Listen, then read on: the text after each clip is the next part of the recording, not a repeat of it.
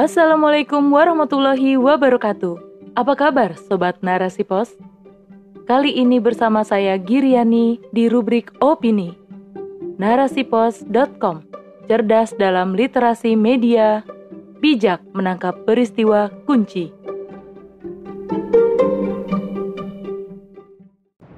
Rapor Merah Pemberantasan Korupsi Era Demokrasi.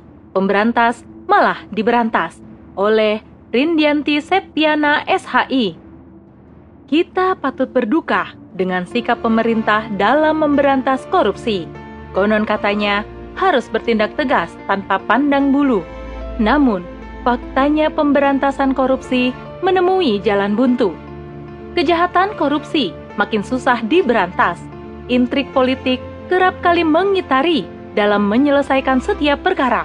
Bahkan, peneliti Indonesia Corruption Watch atau ICW, Lalola Easter, menyatakan sejarah akan mencatat betapa hancurnya pemberantasan korupsi dalam pemerintahan Presiden Joko Widodo. Lola menambahkan, ada beberapa indikator terkait mandeknya kinerja pemerintah dalam memberantas korupsi. Pertama, kinerja Komisi Pemberantasan Korupsi atau KPK mengendur. Dalam dua tahun terakhir, terlihat penurunannya. KPK masih banyak utang menyelesaikan berbagai kasus korupsi. Kedua, adanya dugaan pelanggaran etik yang serius oleh salah satu komisioner. Ketiga, KPK lebih mengedepankan citra daripada kinerja pemberantasan korupsi. Dari semua indikator di atas, tampaknya KPK memang tak bertaring lagi terhadap para koruptor. Apalagi sejak direvisi kembali UU KPK makin menunjukkan adanya kepentingan tertentu di dalamnya. Pemberantasan korupsi hanya angan-angan, tidak bisa diwujudkan. Buntut dari pemecatan terhadap 57 pegawai yang tidak lulus tes wawasan kebangsaan atau TWK menurunkan kepercayaan rakyat terhadap lembaga anti korupsi bernama KPK. Penyidik senior KPK, Novel Baswedan, tak menduga pimpinan KPK melakukan pemecatan tersebut. Padahal, mereka yang tak lulus TWK telah lama berjuang melawan korupsi dengan segala risikonya. Publik pun menjadi bertanya-tanya, benarkah TWK menjegal pemberantas korupsi? Meski publik mengetahui hasil putusan Mahkamah Agung atau MA yang menyatakan tindak lanjut hasil TWK ada di tangan pemerintah, bukan KPK. Seperti diketahui, telah diumumkan bahwa pemecatan 57 pegawai KPK akan dilakukan pada Kamis 30 September 2021. Setelah merevisi UU KPK, lalu saat ini memberlakukan TWK pada pegawai KPK, menunjukkan pada publik bahwa keseriusan pemerintah dalam memberantas korupsi hanya isapan jempol belaka, tidak sungguh-sungguh, cenderung tebang pilih, dan tetap melindungi para koruptor yang menjalin hubungan baik dengan pemangku kebijakan, yaitu penguasa. Ironis sekali, lagi-lagi publik menyaksikan perjalanan pemberantasan korupsi era demokrasi penuh dengan kepentingan politik, tidak memberikan efek jerah bagi para pelakunya, justru semakin meningkat setiap tahunnya. Kalau begini adanya, masihkah mempercayai sistem demokrasi dan penguasanya mampu memberantas korupsi? Berantas korupsi itu berat, lawannya banyak. Kita bisa membayangkan mesin sistem demokrasi selalu memproduksi para koruptor, mulai dari kelas teri hingga kelas kakap. Ada yang tertangkap, ada pula yang lepas dari tangkapan.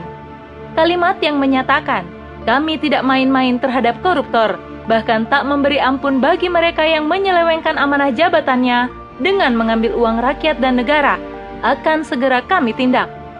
Kalimat pernyataan ini sering kita dengar dalam pidato yang disampaikan pucuk pimpinan negeri namun, itu hanyalah pidato kosong, kerap kali berbeda dengan pelaksanaannya. Hendak memberantas korupsi, justru malah diberantas. Saat dilakukan survei di tengah publik pada tahun lalu, penegakan hukum dan penegakan korupsi masuk dalam kategori tingkat kepuasan terendah. Jangan bertanya bagaimana sikap dari pucuk pimpinan negeri, karena minim tanggapan justru mengembalikan masalah ini kepada mereka yang berwenang Padahal, para pegawai yang dipecat sedang mengurusi kasus-kasus besar. Disinyalir, pemecatan yang dilakukan dengan alasan tak lulus TWK adalah cara untuk mendiamkan kasus-kasus besar yang sedang ditangani. Maka, layak mendapatkan rapor merah dalam memberantas korupsi. Dalam Islam, koruptor dikenai hukuman takzir berupa tasyir atau pewartaan. Dahulu dengan diarak keliling kota, sekarang bisa ditayangkan di televisi seperti yang pernah dilakukan. Penyitaan harta dan hukuman kurungan, bahkan sampai hukuman mati. Pejabat publik pun tidak diperkenankan menerima hadiah dan suap. Rasulullah Shallallahu Alaihi Wasallam bersabda, laknat Allah terhadap penyuap dan penerima suap. Hadis riwayat Abu Daud. Memberikan hadiah kepada aparat pemerintah, Rasul pun mengingatkan, hadiah yang diberikan kepada para penguasa adalah sud atau haram, dan suap yang diterima hakim adalah kufur. Hadis riwayat Imam Ahmad. Khalifah juga menetapkan kebijakan perhitungan kekayaan para pejabat sebelum dan setelah menjabat. Jika ada selisih yang tidak masuk akal, maka negara Islam bisa mengambilnya, melarang para pejabat berbisnis agar tidak ada konflik kepentingan. Kemudian, menetapkan hukuman yang keras bagi para koruptor untuk memberikan efek jerah, menjatuhi sanksi dalam bentuk publikasi, stigmatisasi, peringatan, penyitaan harta, pengasingan, cambuk, hingga hukuman mati. Inilah cara yang dilakukan oleh Islam untuk memberantas korupsi hingga ke akarnya. Wallahu a'lam bisawab.